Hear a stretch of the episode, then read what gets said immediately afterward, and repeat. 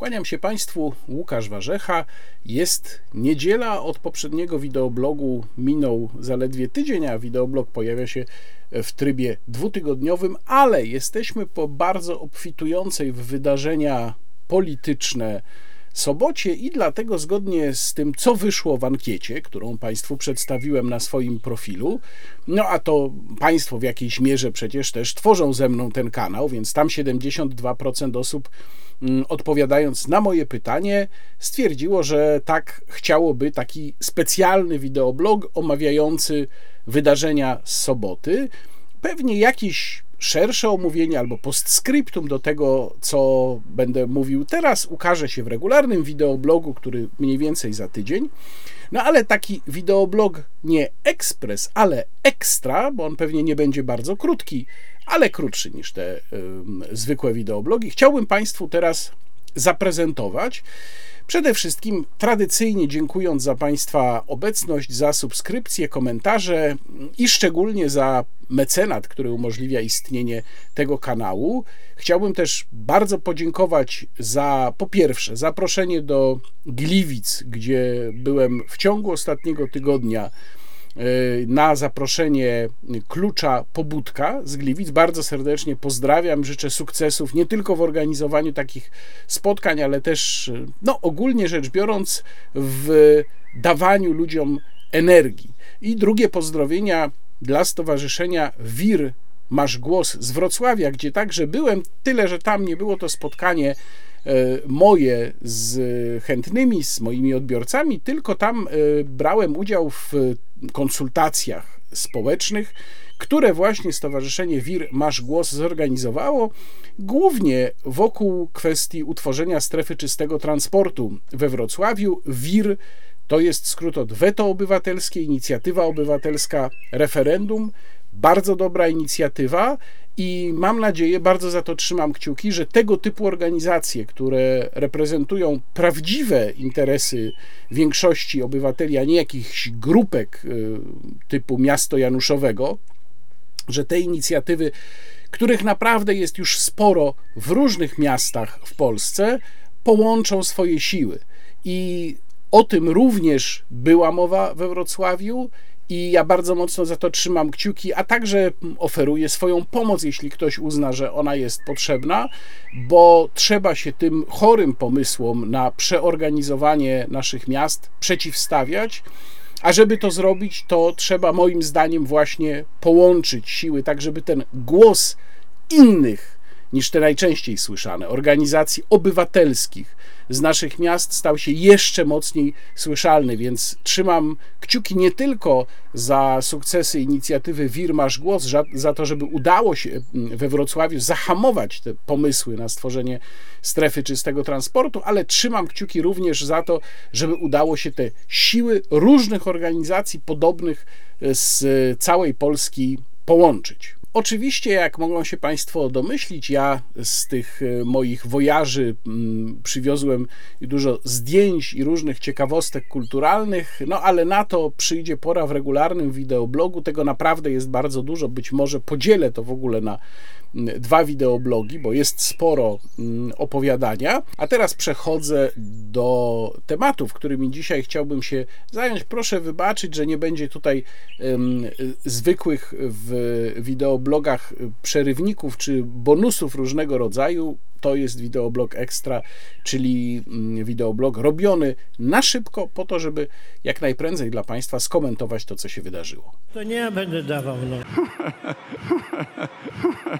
Pierwsza sprawa, o której muszę powiedzieć, no bo to miało miejsce też w sobotę, tę gorącą polityczną sobotę e, w Polsce gorącą, no ale to była też politycznie gorąca sobota międzynarodowa, a przede wszystkim w Rosji. Mówię tutaj o buncie Prigorzyna, Jewgenija Prigorzyna, przywódcy, y, szefa, właściciela grupy Wagnera, która wielokrotnie zaznaczyła się jako autentycznie bardzo groźna siła w zmaganiach wojennych Rosji z Ukrainą i pierwsza kwestia, o której tu muszę powiedzieć, to że czasem po prostu nie warto spieszyć się z wnioskami. Ja w zasadzie, poza jakimiś bardzo ogólnymi uwagami, powstrzymałem się wczoraj od komentarzy. Jak się okazuje, dobrze zrobiłem, bo było bardzo wielu komentatorów, którzy już właściwie wieszczyli, że Rosja się wywraca. No, jeden z polskich polityków mówił wprost o rozpoczęciu wojny domowej w Rosji, później o tym Państwu opowiem przy okazji omawiania jednego z sobotnich wydarzeń politycznych. No, tymczasem y, trwało to wszystko około 24 godzin i skończyło się, ale nie powiem na niczym, bo to byłaby gruba przesada. Na pewno nie skończyło się na niczym, ale się skończyło. Putin nadal jest prezydentem Rosji. Grupa Wagnera nie doszła do Moskwy, jak wiadomo, zawróciła sam Jewgenij Prigorzyn, natomiast udał się z tego, co wiemy oczywiście, na Białoruś. I od razu zaznaczam, że nadal wiemy bardzo mało. Ja w ogóle zresztą tradycyjnie do kwestii wojskowych, czysto militarnych się nie odnoszę, bo po prostu się na tym nie znam, nigdy się nie zajmowałem analizowaniem tego. To zostawiam tym, którzy się na tym znają. Patrzę na to bardziej z politycznego punktu widzenia, choć oczywiście trudno to jest rozdzielić całkowicie od spraw militarnych w trakcie trwającej mm, wojny.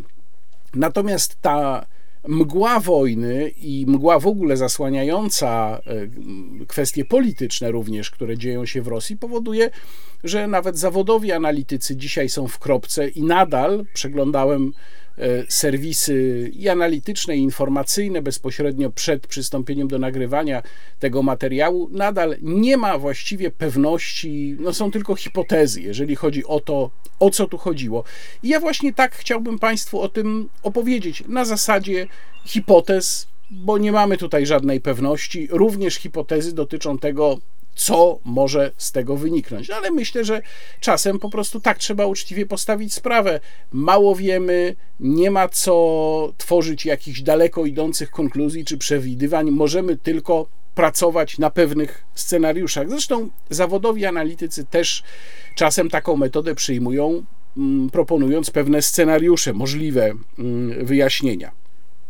Więc po pierwsze, o co tutaj mogło chodzić, jakie wyjaśnienia, jeżeli chodzi o przyczyny tego, co się wydarzyło, są przedstawiane. No, y, pierwsze wyjaśnienie, które zresztą może dotyczyć, może się łączyć z różnymi przyczynami y, ruchu Prigorzyna, jest takie, że Prigorzyn uznał, że ofensywa jakkolwiek słaba i no, mamy takie sygnały, że e, budząca nawet pewien zawód na zachodzie ofensywa ukraińska to jest najlepszy moment, żeby taki ruch wykonać, bo wtedy jego żołnierze, jego grupa jest bardziej potrzebna niż w czasie spokoju, względnego oczywiście, spokoju na ukraińskim froncie.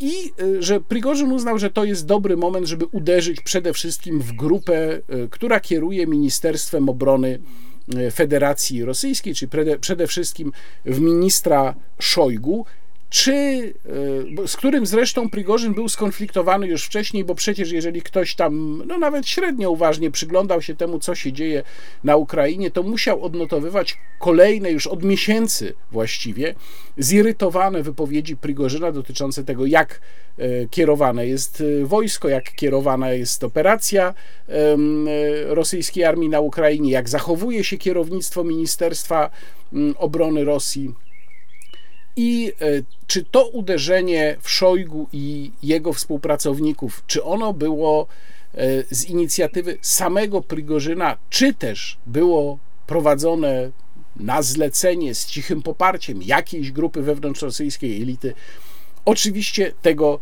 nie możemy wiedzieć. Mm, tutaj mm, wydaje mi się sensowna taka hipoteza, że Prigorzyn mógł się przeliczyć co do efektów własnego działania, i to ostatecznie spowodowało, że doszło do swego rodzaju kompromisu czy porozumienia. Mógł sądzić, że y, zdobędzie większe poparcie i w elicie władzy, i wśród y, sił różnego rodzaju mundurowych, mówiąc ogólnie Federacji Rosyjskiej, chociaż też trzeba zauważyć, że przecież kolumna jego wojsk jednak e, posunęła się spokojnie i w zasadzie poza, jeżeli dobrze odnotowałem, jednym momentem nie niepokojona, kilkaset kilometrów. To było imponujące tempo. No i jednocześnie ta pewnego rodzaju bierność sił e, regularnych sił Federacji Rosyjskiej różnego rodzaju wobec tego ruchu też była, można powiedzieć, zastanawiająca. Mm, niemniej uważam, że raczej wynik tego wszystkiego wskazuje, że Prigorzyn mógł liczyć na więcej, że się przeliczył. Druga hipoteza, drugie wyjaśnienie jest takie, że ten ruch Prigorzyna wynikał z jego jakiejś wiedzy na temat tego, że jest zagrożony. E, na to mógł wskazywać ten wcześniejszy ruch. Mówił o tym w podwójnym kontekście chyba miesiąc temu Antoni Dudek, kiedy to e, Ministerstwo Obrony postawiło pewne ultimatum, domagając się, żeby członkowie grupy Wagnera podpisywali bezpośrednio właśnie z Ministerstwem Obrony swoje kontrakty. Więc e, to był jakiś prawdopodobnie element takiego no, okrawania Prigorzyna z, tego, z tej jego prywatnej armii, która oczywiście, patrząc na to, jak skonstruowana jest politycznie Rosja, stanowiła zagrożenie, no bo każdy taki wataszka, jak za bardzo wyrośnie w siłę, to stanowi zagrożenie. Być może Prigorzyn miał jakąś wiedzę na temat tego, że zbliża się ostateczny cios i po prostu postanowił się ratować, wyprowadzając niejako mm, posunięcie czy cios wyprzedzający, który no albo wyszedł mu tak jak chciał, albo nie wyszedł. Tego też nie wiemy, bo nie wiemy, jakie były jego oczekiwania. Jeżeli finałem tego miało być kompletne spacyfikowanie Prigorzyna, no to do tego nie doszło, bo jednak doszło do kompromisu, w ramach którego Prigorzynowi pozwolono wyjechać na Białoruś. No i wreszcie jest hipoteza taka, że Prigorzyn to już raczej działając niemal na pewno, wtedy musiałby niemal na pewno działać na zlecenie, czy z cichym oczywiście poparciem jakiejś części rosyjskiej elity, miał na celowniku mimo wszystko samego Władimira Putina, choć on wprost o tym nie mówił. Tam w pewnym momencie pod koniec, czy w drugiej połowie tego wczorajszego dnia zaczęły się takie delikatne werbalne ataki na Władimira Putina, samego Putina, to bardziej Putin tutaj był stanowczy w tym, jak opisywał to, co się dzieje, jak opisywał ruch y, Prigorzyna. Mm, no więc być może o to tutaj chodziło i taki był ostatecznie cel, ale też coś się nie udało. Być może Prigorzyn stwierdził, że nie ma szans i postanowił ratować własną skórę. Tak czy owak doszło do ostatecznie do tego porozumienia. Jest tu kilka, jak mówię, możliwych wyjaśnień. Nie wiemy, które jest prawdziwe. Jakie mogą być teraz skutki tego, co się wydarzyło? No, skoro mówiłem już tutaj o kompromisie, o negocjacjach, e, negocjatorem okazał się Aleksandr Łukaszenka, no to wydaje mi się, że pozycja samego Łukaszenki nieco wzrosła, nieco się umocniła w związku z tym, że właśnie on skutecznie wynegocjował to porozumienie. To jest oczywiście pytanie, jak on sam postanowi Jewgenija Prigorzyna wykorzystać na Białorusi, bo to, żeby było jasne, no Jewgenij Prigorzyn tam trafia teoretycznie sam. To nie jest tak, że trafia razem z grupą Wagnera. E, I tutaj pojawia się z kolei pytanie, a co z grupą Wagnera, która przecież odgrywała na froncie na Ukrainie znaczącą rolę w niektórych operacjach. Natomiast jej znaczenie też trochę spadło w związku z tym, że regularna mm, rosyjska armia nabrała pewnego doświadczenia. No ale to jest pytanie, co z jego żołnierzami? Oczywiście wiemy o tym, że obiecano im amnestię, czyli że oni nie będą za swój udział w tym buncie ścigani.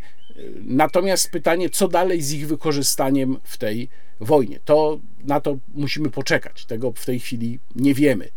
E, więc wzmocnienie Łukaszenki to jest pierwsza sprawa. Moim zdaniem to akurat z polskiego punktu widzenia jest pozytywne, bo powiem szczerze, mnie bardzo niepokoją te e, zapędy buntownicze na Białorusi w tej chwili. Wiadomo, że tam mm, jakaś opozycja białoruska zdaje się, że przy ochoczym współudziale części polskiej elity myśli o tym, że właśnie wywoływać na Białorusi wojnę domową. No ja uważam, mm, to jest oczywiście tylko moje zdanie, że w tym momencie, przy tym co się dzieje, byłoby to po prostu bardzo niebezpieczne, bo mogłoby przy niepowodzeniu bardzo prawdopodobnym dać Moskwie bezpośredni pretekst i możliwość do tego, żeby Łukaszenkę, który jednak broni swojej autonomii, zastąpić kimś innym, więc mm, uważam, że należy paradoksalnie w tej chwili po prostu za Łukaszenkę trzymać kciuki. Zatem jego wzmocnienie to jest pierwsza sprawa. Druga sprawa, tu było takie pytanie, taka hipoteza w ciągu wczorajszego dnia się pojawiała, czy sam Władimir Putin nie wyjdzie z tego wzmocniony, bo bywa tak, że bunt w elicie władzy, jeżeli zostanie skutecznie i szybko stłumiony, to wzmacnia paradoksalnie dyktatora.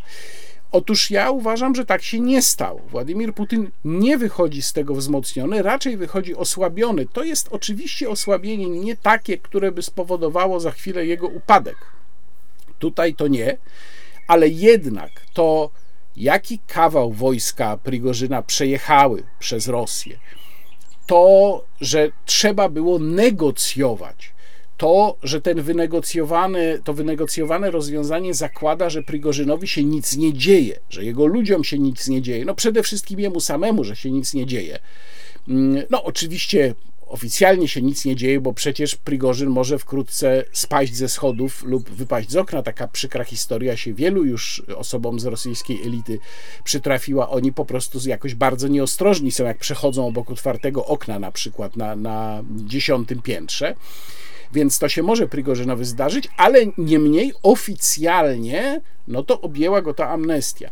Więc to wszystko jednak e, sygnalizuje, że Putin nie jest tak silny i moim zdaniem on wychodzi z tego starcia osłabiony. No i tutaj zgadzam się z tymi, którzy stwierdzają, że będzie próbował przykryć to osłabienie jakimiś ruchami, Miejmy nadzieję, że tylko wewnętrznymi, jeżeli chodzi o Rosję, a nie zewnętrznymi, czyli skierowanymi przeciwko ogólnie rzecz biorąc Zachodowi, po to, żeby no, właśnie niejako zrównoważyć ten ubytek swojego autorytetu, choć zakładałbym, że on jest raczej nie do uzupełnienia.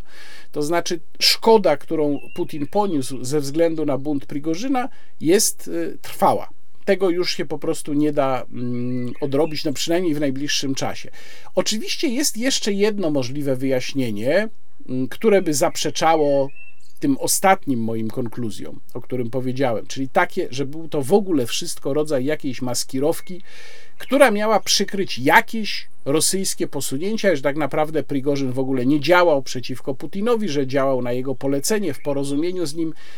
Natomiast wydaje mi się, ale to oczywiście jest znów tylko moja hipoteza, że to wyjaśnienie jest stosunkowo mało prawdopodobne, biorąc pod uwagę jednak, jaka była dynamika zdarzeń wczoraj, że to było zbyt um, jednak daleko posunięte i zbyt szeroko zakrojone, jak na taką maskirowkę. No i cóż, jeżeli chodzi o polską sytuację, o polską reakcję, to chyba możemy być spokojni, bo przy sobocie pan minister Kamiński znalazł czas, żeby zadzwonić do szefa CIA, a może to szef CIA dzwonił do niego. No w każdym razie pan minister Kamiński, mimo potężnego zmęczenia po całym tygodniu ciężkiej pracy, podniósł tę słuchawkę i rozmawiał z szefem CIA, więc naprawdę bądźmy wdzięczni.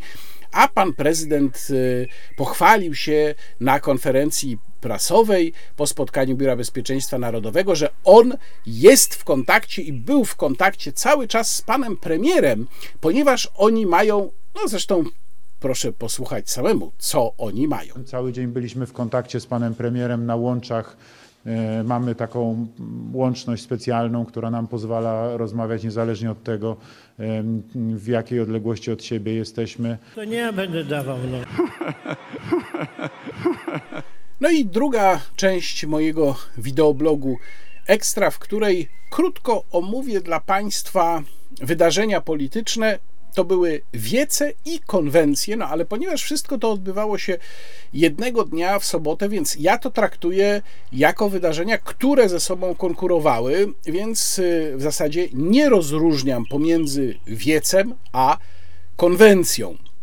Choć oczywiście pamiętajmy, że wiec to nie to samo co konwencja, niemniej Warto tutaj, e, zamiast przyglądać się moim zdaniem bardzo konkretnym propozycjom czy konkretnym wypowiedziom, warto wychwycić pewne trendy i zobaczyć pewien szerszy obraz, do czego te poszczególne siły zmierzają. Nie będę tu Państwa, tak jak powiedziałem, katował wyimkami z tych konwencji, zresztą no, zajęłoby mi przygotowanie tego ogromnie dużo czasu, natomiast zapewniam Państwa, że wszystkie te wydarzenia, o których będę mówił, obejrzałem, zadałem sobie ten trud, naprawdę powinni mi za to dodatkowo płacić. I zaprezentuję te wydarzenia w takiej e, sekwencji od tego, któremu dałbym najniższą ocenę, do tego, któremu dałbym najwyższą ocenę.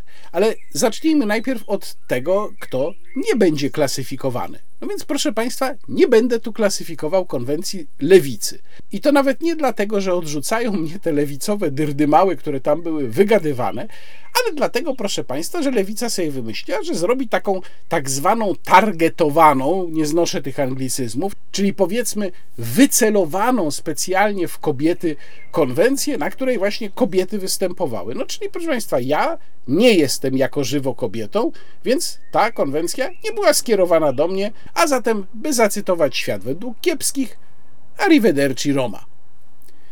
Przechodzę do konwencji Prawa i Sprawiedliwości, a dokładnie Zjednoczonej Prawicy, bo tutaj ocena jest najniższa. Gdyby to była skala od 1 do 10, to dałbym 1. Wczoraj jeszcze oceniałem tę konwencję na 2, ale to było zanim dokładnie obejrzałem ją w całości. To była, przypominam, konwencja odbywająca się w Bogatyni E, obok kopalni w Turowie. No wiadomo, dlaczego PiS zdecydował o przeniesieniu swojej konwencji z Łodzi do Turowa. Wydawało się, że to jest dobry zabieg. Tam zresztą, jakby Państwo widzieli te konwencje, ja do wszystkich tych wydarzeń załączam linki w opisach filmu. Jeżeli by Państwo chcieli sobie zobaczyć materiały źródłowe, w, za, za sceną, na której występowali politycy PiS, widać było y, kominy, czy właściwie chłodnie, bo to nie są kominy, tylko chłodnie elektrowni w Turowie.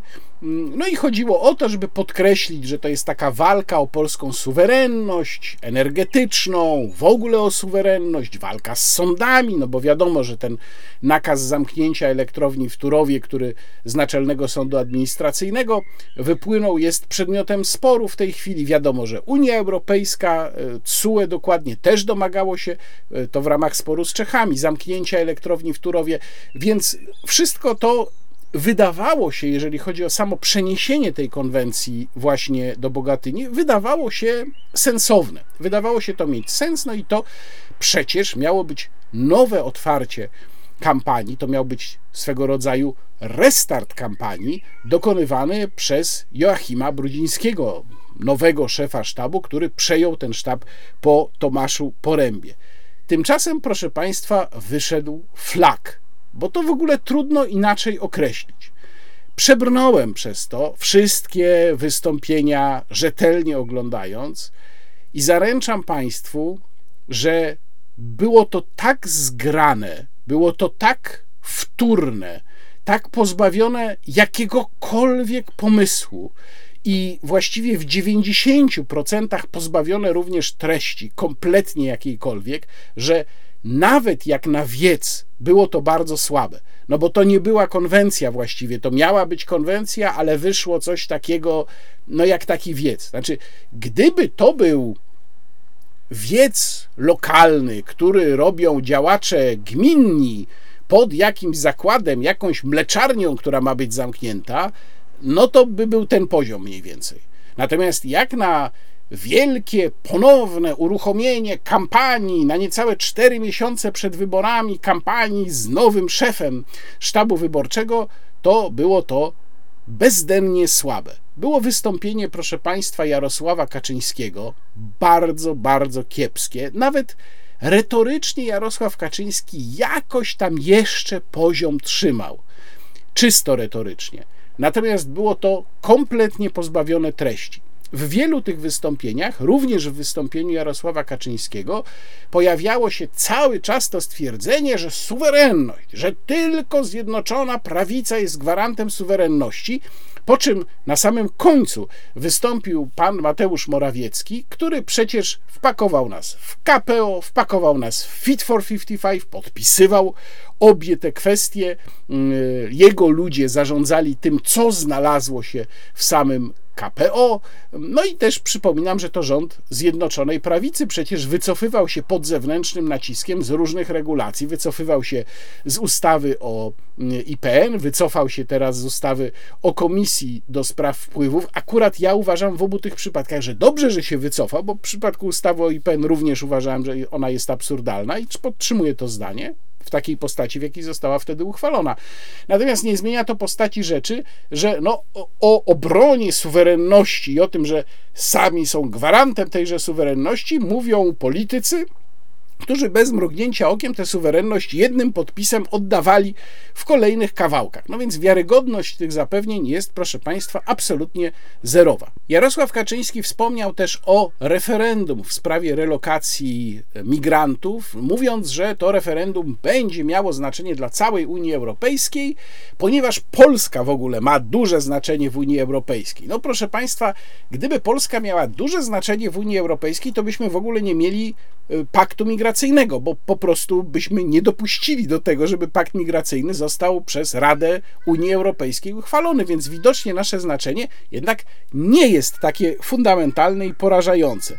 No, jedynie wystąpienie Zbigniewa Ziobry jakieś tam nosiło cechy pewnej merytoryczności, bardzo, bardzo słabe, ale jednak, bo tam były te odwołania do kwestii, oczywiście takie bardzo wiecowe, do, do kwestii mm, podtrzymania suwerenności Polski. No i powiedzmy, że w przypadku suwerennej Polski na jej korzyść działa to, że jednak jej politycy wskazywali na te zagrożenia, będąc w sporze z Mateuszem Morawieckim. No ale tam y, pan Zbigniew Ziobro wystąpił jako rzecznik y, prawda, Zjednoczonej Prawicy, y, całego obozu. Co prawda nie przeszło mu przez gardło ani słowo poparcia dla Mateusza Morawieckiego, no ale Mateusz Morawiecki też tam był. Panowie wystąpili na jednej scenie, no i jednak jak Zbigniew Ziobro mówi, że tu Bruksela nam zagraża, przecież dopiero co kilka tygodni temu pisał o tym, że Mateusz Morawiecki podpisywał Fit for 55, no więc znów powtarzam, wiarygodność tego jest bardzo niska. E, potem występowali koalicjanci PiS, prócz Pawła Kukiza, który nie przyjechał, bo miał jakąś sprawę osobistą podobno. I te występy koalicjantów to była już kompletna żenada. No więc występował pan Adam Bielan, który nic nie powiedział. Powiedział, znaczy Jarosław Kaczyński nic nie powiedział, Adam Bielan powiedział jeszcze mniej. Marcin Ociepa to w ogóle już jakieś zdarte frazesy i jeszcze jakoś w miarę retorycznie na tym tle wyróżniał się Zbigniew Giżyński, przypomnę koło Polskie Sprawy, ale sytuacja z panem posłem Giżyńskim jest o tyle zabawna, że on jeszcze około roku temu, nawet niecały rok temu, marzył sobie, że on stworzy w ogóle nowe ugrupowanie, które będzie alternatywą dla Prawa i Sprawiedliwości. Przejmie, no taka trzecia droga, coś w rodzaju tej trzeciej drogi. I opowiadał o tym w różnych miejscach. No okazuje się, że nie wyszło jednak i pan poseł w jakimś worku pokojowym Kutnym musiał przyjść do Jarosława Kaczyńskiego, więc wyszedł też tej, w tej Bogatyni na scenę i tam opowiadał, jaki to wspaniały jest obóz Zjednoczonej Prawicy, a nawet jaki wspaniały jest Jarosław Kaczyński. Więc, no, panie pośle, niestety słabo, słabo. I tak jak powiedziałem, na koniec występował Gierek 2.0 i ja naprawdę powinienem jakiś dodatek dostawać za to, że muszę tego pana słuchać, bo jak tylko go słyszę, ja przepraszam, wiem, że to jest może bardzo mało profesjonalne, ale jak słyszę Mateusza Morawieckiego, już nie mówiąc o tym, jak go słyszę widząc go, to ja naprawdę mam wręcz taki fizjologiczny odruch odrzucający. No ale muszę, robię to dla państwa. Więc też wysłuchałem na przyspieszeniu, wszystkiego zresztą słuchałem na przyspieszeniu razy dwa. No więc co tam było? Więc wyciągnął pan premier stary, zgrany schemat Polska solidarna, versus Polska liberalna i znów tam gadał o tych strasznych liberałach, panie, co to przyjdą i zabiorą te pieniądze, co to dobry PiS tak rozdał, to oni przyjdą, panie, i zawezmą. Więc y, jeżeli mówimy znów o restarcie i odświeżeniu kampanii, to nie tylko tu nie ma nic świeżego. Tu jest jeszcze, proszę Państwa, powrót, to jest reanimacja koncepcji z 2011 roku. Polska Solidarna versus Polska Liberalna. Czyli mamy powrót do tego, no i jeszcze jak tam sobie to sobie zanotowałem, jak tam pan premier wymieniał, o kogo tutaj PiS, prawda, dbamy tu towarzysze, dbamy o was, no to nie wymienił w tym gronie przedsiębiorców, co nie było dla mnie żadnym zaskoczeniem, ale tam była uważana, no pracownicy, prawda, ludzie na kasie, tam panie z kasy, tu górnicy, prawda, a ci źli prywaciarze, to tam oni na naszej liście nie są, my o nich nie dbamy.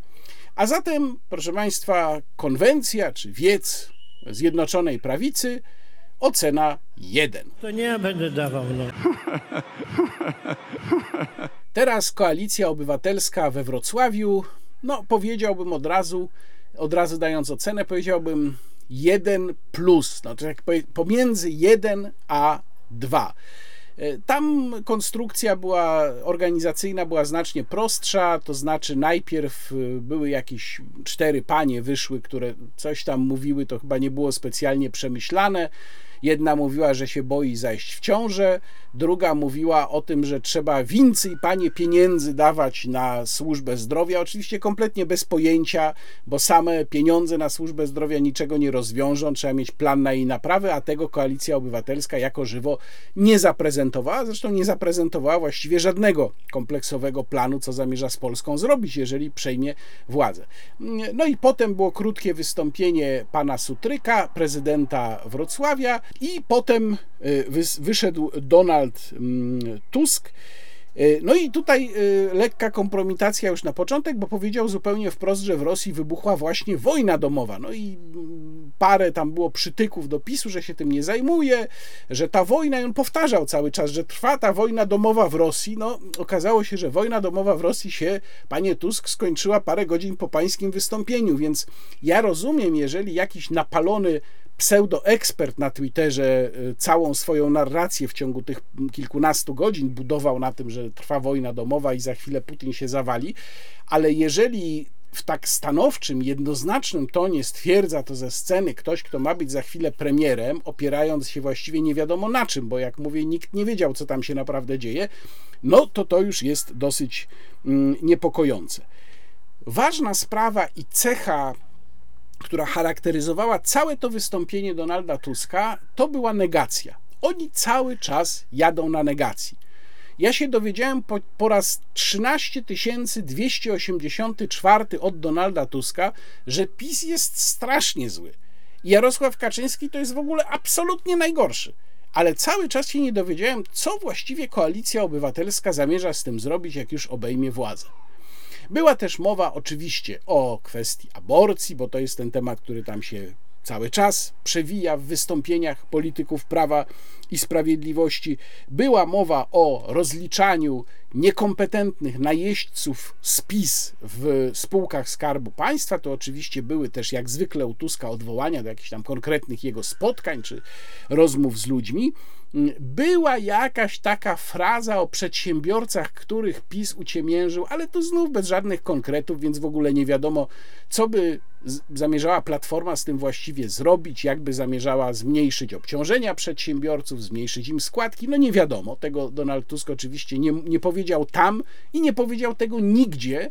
I tu od razu uprzedzam też uwagę, bo wiem, co Państwo pisali, no, zwłaszcza kibice Koalicji Obywatelskiej pisali do mnie na Twitterze, że ale przecież to wiec to nie jest miejsce na prezentację programu. No więc powiem Państwu tak, oczywiście wiec to nie jest miejsce na szczegółową prezentację programu, ale jeżeli się ma jakąś ramową propozycję, to i na wiecu się tę propozycję rzuca. Ramowo, hasłowo, e, jednym krótkim zdaniem, ale się rzuca, a tutaj nie ma nic. Znalazło się też stwierdzenie, że Kaczyński zbudował w Polsce model putinowski, znalazło się odwołanie jakieś do tej sytuacji w Rosji, że tam dyktatura upada, no właśnie zobaczyliśmy jak upada, no więc w ogóle dyktatury upadają, musicie nam pomóc pogonić tę władzę, wołał y, Donald Tusk, y, odnosił się też, i to jest może ostatnia ciekawa rzecz w tym wystąpieniu, odnosił się też do referendum, tego referendum związanego z relokacją, ale właściwie bez wskazania, co on by swoim wyborcom radził z tym referendum zrobić. Powiedział tylko: jedynym referendum będą wybory. Czyli no to jest trochę tak, jakby Donald Tusk radził zrobić to, co robi ostatnio, co robią ostatnio posłowie koalicji obywatelskiej, kiedy pojawia się jakieś trudne głosowanie, tak jakie właśnie głosowanie nad uchwałą Sejmu w sprawie przymusowej relokacji, bo przecież co wtedy zrobili posłowie Koalicji Obywatelskiej? Pyk! Wyciągnęli karty do głosowania. I mam wrażenie, że Donald Tusk zasugerował to samo swoim wyborcom tutaj, ale nie powiedział tego znów wprost. Czyli no, nawet w tej sprawie Koalicja Obywatelska nie ma, e, przynajmniej na razie, jednoznacznego mm, stanowiska. Krótko mówiąc i podsumowując, nadal mamy zero konkretów i to zero konkretów dotyczy w zasadzie, poza takimi strzałami jak babciowe, dotyczy w zasadzie wszystkich wystąpień lidera Koalicji Obywatelskiej i jej polityków. I mamy cały czas budowanie swojego przekazu na negacji prawa i sprawiedliwości. To jest też to, co zresztą robi Mateusz Morawiecki w czasie swoich wystąpień, bo on bardzo lubi przecież koncentrować się wyłącznie na Tusku. Mateusz Morawiecki nie znosi Tuska, a Tusk nie znosi Kaczyńskiego, no bo z kolei Tusk się rzadziej do Mateusza Morawieckiego odnosi, co też jest oczywiście celowe, bo on się sam stawia na tym poziomie co Kaczyński, a nie co Morawiecki, podczas kiedy Kaczyński zostawia to koncentrowanie się na Tusku Morawieckiemu, żeby z kolei Tuska mniej pompować, bardziej zdegradować. Natomiast jak się spojrzy na te dwie główne siły, na, na ich przekaz, ten sobotni, wczorajszy, to mamy do czynienia głównie z walką negacji. Zjednoczona prawica nam mówi: Na tamtych nie możecie, bo tylko my jesteśmy obozem patriotycznym, tylko my wam zrobimy dobrze a koalicja obywatelska mówi: Na tamtych nie możecie, bo tylko my doprowadzimy do odtworzenia demokracji, tylko my utrzymamy Polskę w Europie.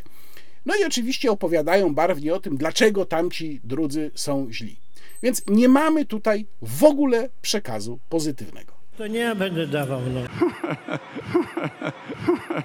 No i wreszcie przyszedł czas na wyższą ocenę. Jakbyśmy wzięli skalę od 1 do 10, to tutaj dałbym, powiedziałbym, mocną piątkę, czyli tak mniej więcej w środku skali, i to jest konwencja trzeciej drogi w Grodzisku Mazowieckim. Powiedzmy średnio efektowna, chociaż to już była konwencja, nie wiec, czyli można by się spodziewać, że ta oprawa będzie jakaś bardziej tutaj dopracowana.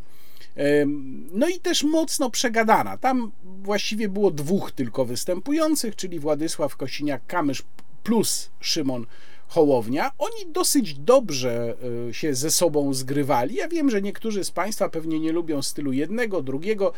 Mnie razi styl Szymona Hołowni. Uważam, że znacznie lepszym, naturalniejszym mówcą jest Władysław Kosiniak-Kamysz, ale Warto mm, zauważyć, że mm, panowie ze sobą się dobrze zgrywali na tej scenie i oni zresztą mówili też, że się zaprzyjaźnili. Oczywiście ja nie traktuję tego typu deklaracji polityków e, jako miarodajnych, bo nie, nie wiem, jakie tam są między nimi relacje osobiste, natomiast dobrze to wypadało, dobrze to współgrało w ogóle z przekazem całej tej konwencji, gdzie sala była utrzymana w kolorach y, zielono-żółtych. I tutaj już mieliśmy próbę mm, jednak skonkretyzowania przekazu. To było wyraźne odbicie, różnica w stosunku do tych dwóch y, y, wydarzeń, dwóch głównych sił, ale też przede wszystkim mieliśmy próbę mm, spozycjonowania się przez trzecią drogę właśnie jako przez tę siłę centrum. Nawet padło tam takie określenie, interesujące dosyć jako hasło mm, na kampanię, że będziemy radykalnym centrum. To powiedział Władysław Kosiniak-Kamysz, mówiąc, że będziemy radykalnym centrum w walce o pracowników, przedsiębiorców, rolników e, w patriotyzmie, w przynależności do Unii Europejskiej. No i bardzo dużo też było podkreślania, że trzecia droga nie jest przeciwko komuś, ale też na samym początku padło stwierdzenie, że nie jest przeciwko komuś, jeżeli chodzi o partie demokratyczne. To oczywiście był przytyk do Konfederacji, bo bardzo wyraźnie w czasie tej konwencji trzeciej drogi E, widać było, że mm, e, trzecia droga próbuje podchodzić pod wyborców Konfederacji. Tam ewidentnie jest próba dołożenia, dobrania sobie wyborców brakujących być może już nawet do tych 8%, które przecież koalicja będzie musiała zdobyć, mm, dobrania sobie tych wyborców z tego z tej grupy wyborców obecnych Konfederacji. Stąd pod adresem Konfederacji były zaczepki, zaraz o tym powiem więcej. Kilka innych ciekawych i charakterystycznych rysów, które się pojawiły w wystąpieniach e, Władysława Kosiniaka-Kamysza i Szymona Hołowni. E, po pierwsze, e, Władysław Kosiniak-Kamysz zaznaczył w pewnym momencie, że i to zresztą w ogóle było w obu tych wystąpieniach, że my nie jesteśmy partią nienawiści, że my nie będziemy się kierować agresją. Również to mówił Szymon Hołownia, jeśli chodzi o sposób prowadzenia kampanii wyborczej. Natomiast Władysław Kosiniak-Kamysz powiedział coś takiego, że ludzie, którzy poszli z PiS, w wielu przypadkach nie zrobili tego ze złej woli, tylko zostali oszukani.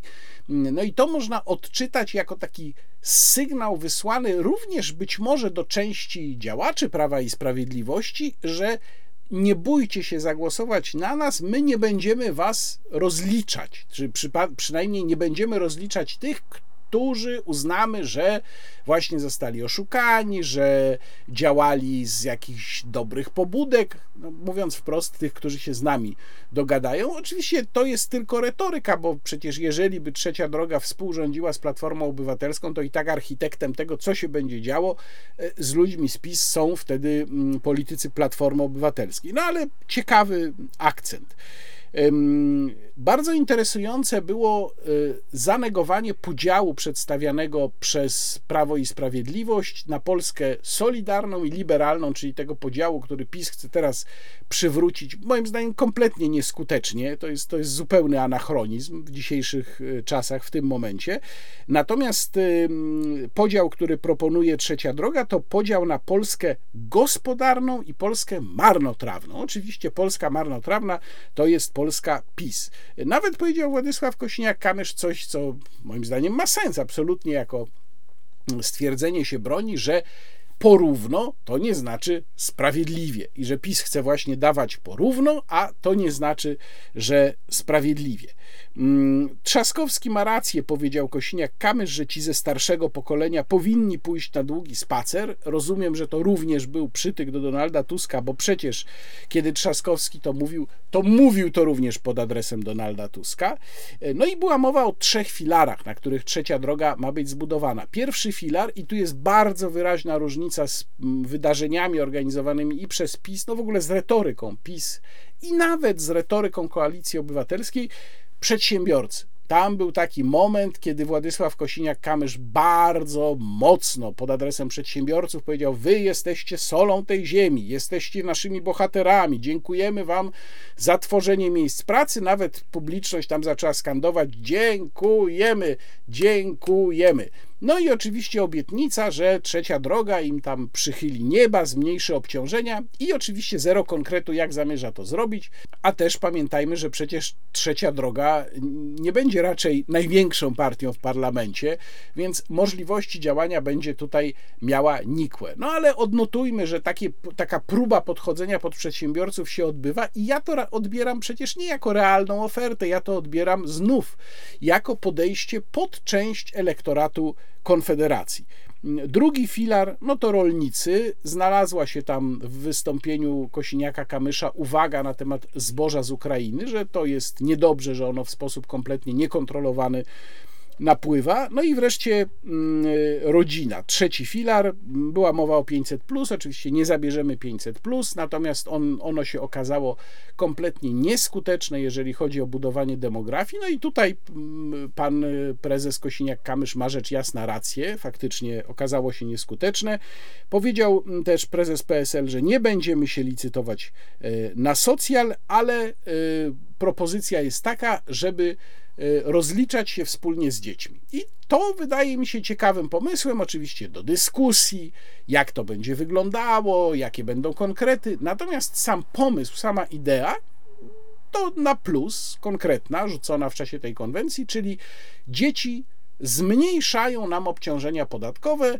Jak powiedział Władysław Kosiniak-Kamysz, jeżeli jest duża rodzina, to w praktyce nie będzie y, płaciła podatków myślę, że pomysł, na którym warto generalnie się zastanowić, już w oderwaniu też od kampanii mm, wyborczej. No były też takie bardziej fantasmagoryczne pomysły, na przykład jeżeli w ciągu 60 dni nie dostaniemy się do lekarza, to będziemy mieli prawo do wybranego lekarza, na przykład specjalisty, to będziemy mieli prawo wtedy pójść do prywatnego lekarza, zapłacić za to NFZ i tam chyba się pojawiła taka suma, że na początek, że do 2000 y, złotych. No to chodzi o to, żeby zmobilizować system do, do jakichś ludzkich terminów, dotarcia do lekarza, no ale też weźmy pod uwagę, że ani nie mamy tu żadnego wyliczenia finansowego, e, ani nie mamy tu żadnego pomysłu na naprawę samego systemu ochrony zdrowia.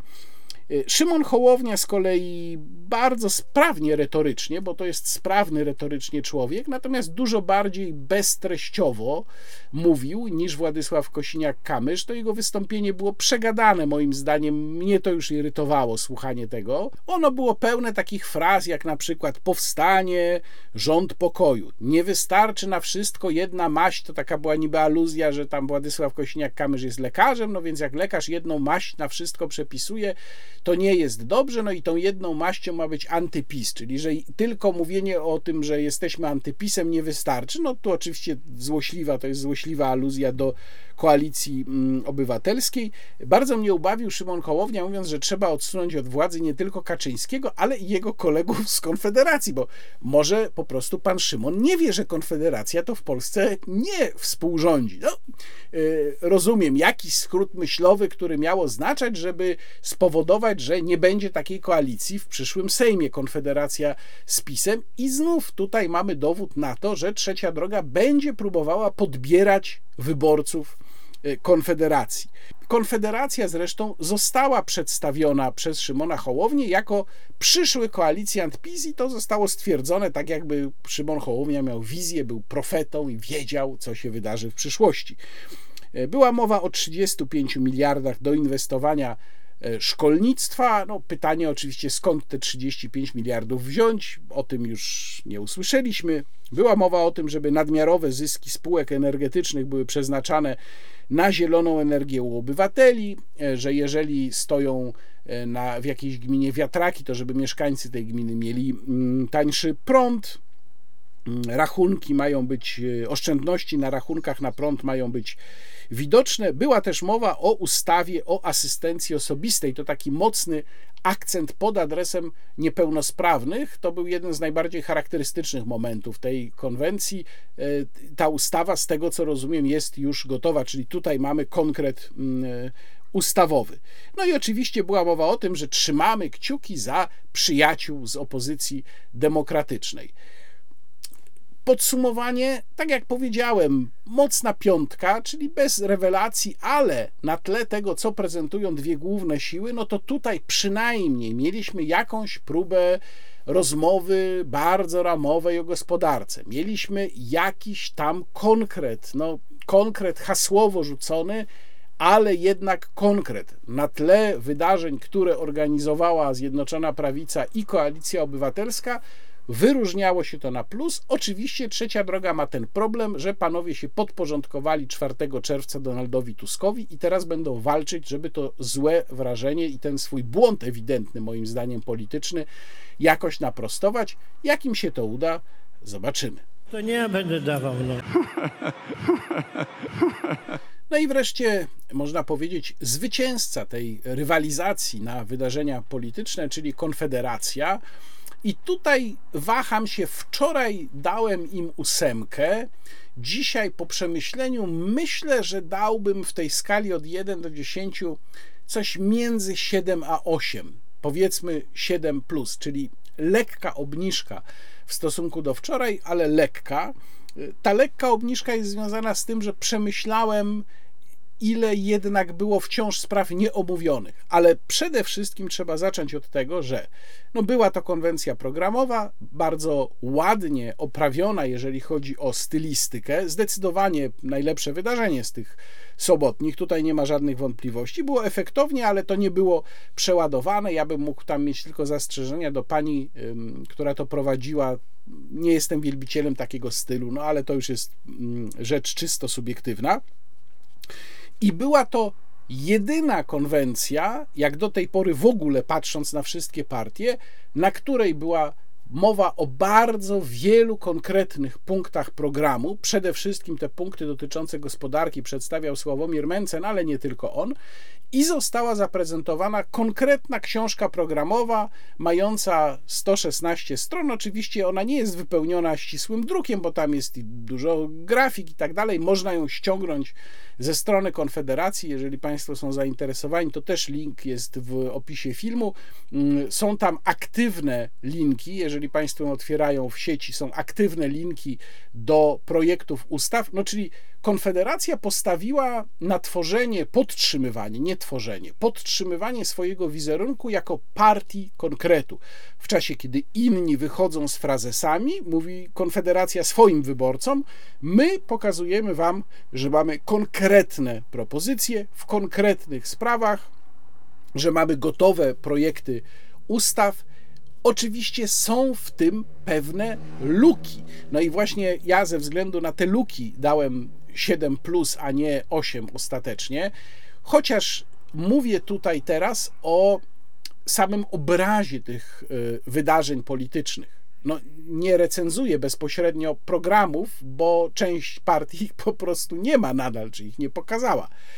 Ale mm, patrząc na to, że tu został ten program zaprezentowany, no to samo to wyróżnia Konfederację w stosunku do y, innych partii. Oczywiście można do części tych punktów mieć zastrzeżenia. Nawet do tego, co nie tylko jest w tej książce programowej, ale do tego, co padło na konwencji. No powiedzmy, Sławomir Mencen z takim pomysłem wystąpił, że inspektorzy NIK, czy w ogóle Najwyższa Izba Kontroli, ma mieć uprawnienia prokuratorskie. Nie jestem co do tego przekonany, nie wiem, czy to jest dobry pomysł, to by wymagało znacznie głębszej mm, analizy. Są też sprawy, którymi Konfederacja się do tej pory nie zajęła. Na przykład ja jestem ciekaw i cały czas czekam na pomysł, co zrobić z mediami publicznymi. Jaki Konfederacja ma pomysł na media mm, publiczne? Jak rozwiązać sprawę prokuratury, skoro już mówimy o tym, bo tak wynikało z wypowiedzi Sławomira Mencena, że te kompetencje prokuratorskie trzeba dać Nikowi, dlatego że sama prokuratura się nie sprawdza. No ale to jaki pomysł ma Konfederacja na prokuraturę?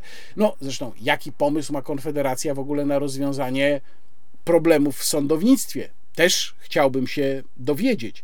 No i wreszcie, w jaki sposób uniknąć, to też się nie pojawiło do tej pory, w jaki sposób uniknąć wprowadzania pewnych szkodliwych unijnych rozwiązań, które już zostały uchwalone. Tam Konrad Berkowicz występował chociażby mm, mówiąc o y, samochodach, o tym, jakie obciążenia są nakładane na kierowców i że Unia Europejska chce odebrać swobodę poruszania się. Rzeczywiście tak jest, przecież ja wielokrotnie w wideoblogu o tym mówiłem. Natomiast ja jestem ciekaw, jak jak w praktyce Konfederacja wyobraża sobie nieprzyjęcie tych regulacji unijnych, które już zostały przez Unię zatwierdzone. No i o tym też nie wiemy. Ale i tak, powtarzam, poziom konkretu na tle innych partii jest wyjątkowo duży. Były, było dużo wystąpień, ja nawet nie policzyłem ile, ale myślę, że to było z 10 wystąpień. I w czasie, i te wystąpienia były różne były nierówne. Bardzo dobre naprawdę było wystąpienie y, Krzysztofa Bosaka, to znaczy było niezwykle sprawne retorycznie, bardzo, y, w bardzo spójny sposób zarysowywało w którą stronę Konfederacja ma iść i w sprawach społecznych, i w sprawach gospodarczych. Dobre i szczegółowe było wystąpienie Sławomira Mencena, no były słabsze wystąpienia, na przykład wystąpienie Grzegorza Płaczka było takie trochę nie wiadomo o czym. E, było e, dosyć kontrowersyjne wystąpienie Grzegorza Brauna, to znaczy Grzegorz Braun tam przywołał te różne hasła, które w pewnym momencie zostały trochę przez Konfederację przytłumione. Mówię kontrowersyjne dla niektórych, dla innych niekontrowersyjne. No ale generalnie rzecz biorąc, było to dosyć odważne, bo Konfederacja, mm, dając też miejsce na scenie Grzegorzowi Braunowi, pokazywała, że nie boi się pokazać wszystkich swoich liderów, że wszyscy są w grze i że to jest dla każdego coś miłego. To było w pewnym stopniu ryzykowne, bo ta retoryka Grzegorza Brauna nie współgra z retoryką, którą Konfederacja postanowiła jednak na kampanię wyborczą przyjąć, taką bardziej stonowaną. Zresztą do tego nawiązywał też w swoim wystąpieniu w pewnym momencie Krzysztof Bosak, e, mówiąc, że przecież to, co my proponujemy, ta dyskusja nie ma w sobie nic radykalnego, to jest demokracja. E, no więc zobaczymy, czy to, co powiedział Grzegorz Braun, będzie miało jakikolwiek wpływ? Myślę, że nie. On występował tam gdzieś w dalszej e, części. Oczywiście próbuje się już wyciągać teraz fragmenty tego wystąpienia, natomiast no też jakby je przeanalizować czysto merytorycznie, to tam w zasadzie nie ma się specjalnie do mm, czego przyczepić. Można się nie zgadzać z pewnymi tezami, natomiast nie było tam w tym wystąpieniu nic skandalicznego, no ale też wiemy jak to działa w czasie kampanii. Nie działa się merytorycznie, tylko działa się poprzez pewne mm, emocje. Ogólnie rzecz biorąc, Konfederacja postanowiła ograniczyć przekaz negatywny. Były oczywiście krytyczne odwołania do tego, jak rządzi Zjednoczona Prawica, natomiast było ich mało. Ogólnie rzecz biorąc, przekaz był taki, że my chcemy przewrócić stolik. My nie planujemy w tej chwili koalicji z żadną z tych sił. Chcemy, żeby układ całkowicie się zmienił. Jesteśmy spoza tego układu i jesteśmy, to bardzo ważne w tej, w tej konwencji było, i jesteśmy najbardziej merytoryczną opozycją ze wszystkich ugrupowań opozycyjnych. I rzeczywiście trzeba powiedzieć, że na tle tych pozostałych konwencji, tych pozostałych wydarzeń, faktycznie to jest teza do obronienia. Ona się broni. Rzeczywiście Konfederacja wychodzi tutaj na najbardziej merytoryczną opozycję. Tak zatem wyglądały te cztery polityczne wydarzenia soboty. Oceny, jak widać, bardzo rozstrzelone i bardzo nierówne. Państwo mogą mieć inne zdanie. Czeka nas y, na pewno jeszcze wiele podobnych wydarzeń przed październikowymi wyborami i warto pamiętać, że dla wielu wyborców liczą się jednak właśnie pewne wrażenia. Nie to dokładnie, co tam zostaje powiedziane, ale pewne ogólne wrażenie. Mam nadzieję, że to ogólne wrażenie również udało mi się tutaj oddać.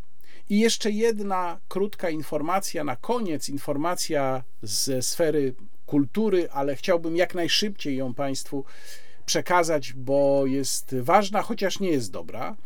Fundacja Incanto, której jestem ambasadorem, organizator festiwali Muzyka Divina oraz Rezonanse, festiwalu Muzyka Divina organizowanego w Krakowie w sierpniu.